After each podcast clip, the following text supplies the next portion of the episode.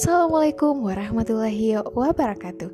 Ketemu lagi nih bareng aku Aulia Apriningsi Dan tentunya kali ini aku nggak sendirian Karena ditemenin oleh narasumber kita. Beliau adalah dokter hewan Sri Wahyuni. Nah berhubung beliau sudah hadir Kita sapa dulu ya. Selamat pagi dok. Selamat pagi Baik, saya ingin mengucapkan terima kasih atas kesediaan waktunya untuk menjadi narasumber kita pada hari ini.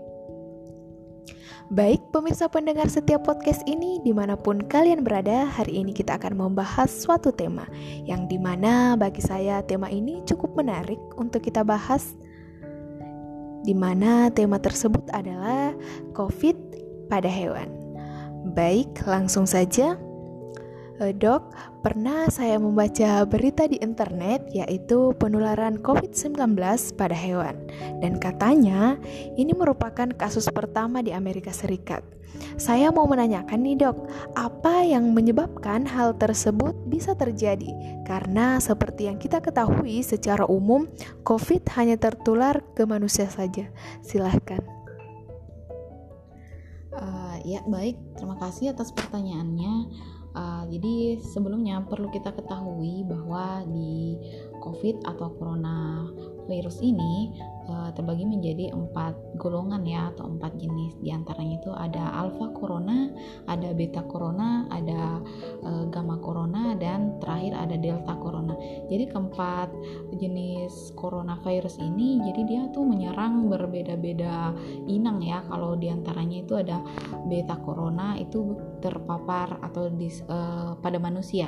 Nah, untuk hewan sendiri itu ada alpha yaitu pada anjing atau kucing, kemudian pada uh, gamma dan delta itu juga pada hewan. Jadi uh, untuk hewan yang terpapar yang tadi uh, disebutkan bahwa di pertama kali dipaparkan itu di Amerika jadi itu ada harimau ya nah itu uh, penyebabnya itu ada e, disebut dengan alfa corona. Jadi terpapar itu tidak e, disebabkan oleh e, corona atau COVID-19 yang disebabkan oleh manusia. Jadi berbeda. Jadi sistem penularannya itu berbeda. Kalaupun untuk beta sendiri itu mungkin pada kelelawar karena kelelawar ini dia termasuk pada beta corona. Jadi penyebabnya memang itu uh, dari kelelawar awalnya. Tapi kalau untuk harimau atau pada anjing atau kucing itu penyebabnya sesama corona yaitu alfa corona. Jadi berbeda untuk penularannya. Jadi sampai saat ini untuk penelitian sendiri belum ada penularan dari hewan ke manusia begitupun dari hew eh, manusia ke hewan.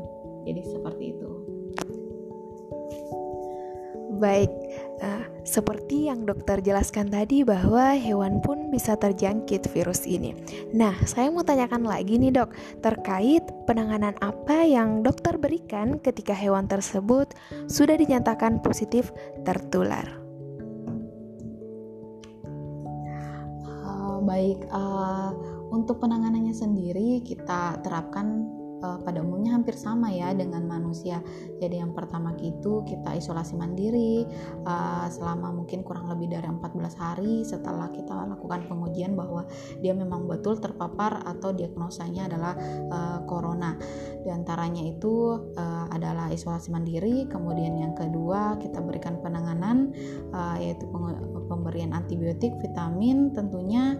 Kemudian yang ketiga kita lakukan uh, pemisahan antara ternak atau hewan yang sakit atau yang belum yang sudah terpapar dan ternak atau hewan yang belum terpapar. Jadi uh, secara umum hampir sama dengan penanganan yang dilakukan pada manusia. Seperti itu. Baik, di sini saya mau mengajukan pertanyaan lagi nih dok, dan ini merupakan pertanyaan terakhir dari saya. Seperti yang kita ketahui, kita selalu diingatkan untuk tetap menerapkan protokol kesehatan seperti cuci tangan, jaga jarak, dan memakai masker agar bisa mengurangi rantai penyebaran COVID-19. Yang menjadi pertanyaan saya, jika protokol kesehatan untuk manusia jaga jarak, memakai masker, dan cuci tangan protokol kesehatan apa yang diterapkan untuk hewan? Silahkan.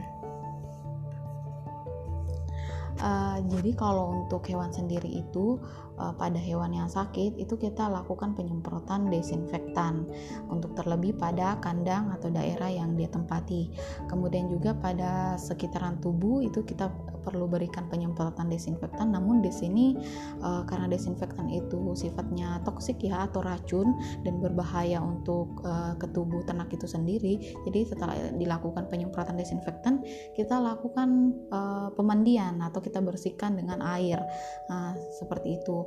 Kemudian yang kedua tentu uh, kita lakukan juga pemisahan atau jaga jarak antara kita sebagai perawat atau pemilik dari ternak itu sendiri kemudian ternak yang sakit dan ternak yang uh, sudah ternak yang belum terpapar itu kita lakukan juga pemisahan atau disebut dengan pemisahan kandang. Nah, seperti itu sih sejauh ini. Baik, itulah pemirsa jawaban dari narasumber kita terkait protokol kesehatan pada hewan. Dan tidak terasa kita sudah di penghujung waktu. Sebelum kita akhiri perjumpaan kita hari ini, pesan-pesan apa yang ingin dokter sampaikan kepada pemirsa di luar sana? Silahkan. Um, karena kan sekarang kita lagi dilanda pandemik ya, jadi uh, untuk kasus-kasus di luar sana itu banyak banget orang-orang ataukah yang sedang merawat hewan kesayangan seperti anjing kucing mereka itu banyak membuang ataukah menitipkan anjing kucingnya namun tidak diambil kembali ke klinik hewan terutama ke rumah sakit hewan. Mereka banyak sekali menitipkan hewan kesayangannya dan tidak diambil kembali. Nah jadi kalau saya sih jangan takut karena untuk hewan kesayangan ini sendiri mereka itu memiliki corona yang berbeda dengan kita. Jadi jangan takut untuk tertular dari hewan tersebut. Jadi tetap dirawat hewannya, namun diberikan perlakuan yaitu mungkin uh, uh, tidak terlalu berinteraksi dengan hewan kesayangannya. Itu saja sih. Dan uh, jangan dibuang, kemudian tetap dirawat hewannya atau ternaknya. Baik, pemirsa pendengar setiap podcast ini di mana pun kalian berada. Semoga tema yang kita angkat hari ini bisa bermanfaat dan menambah wawasan kalian mengenai COVID-19. Dan ingat, tetap mematuhi protokol kesehatan, jaga jarak, cuci tangan, dan tetap memakai masker. Wassalamualaikum warahmatullahi wabarakatuh.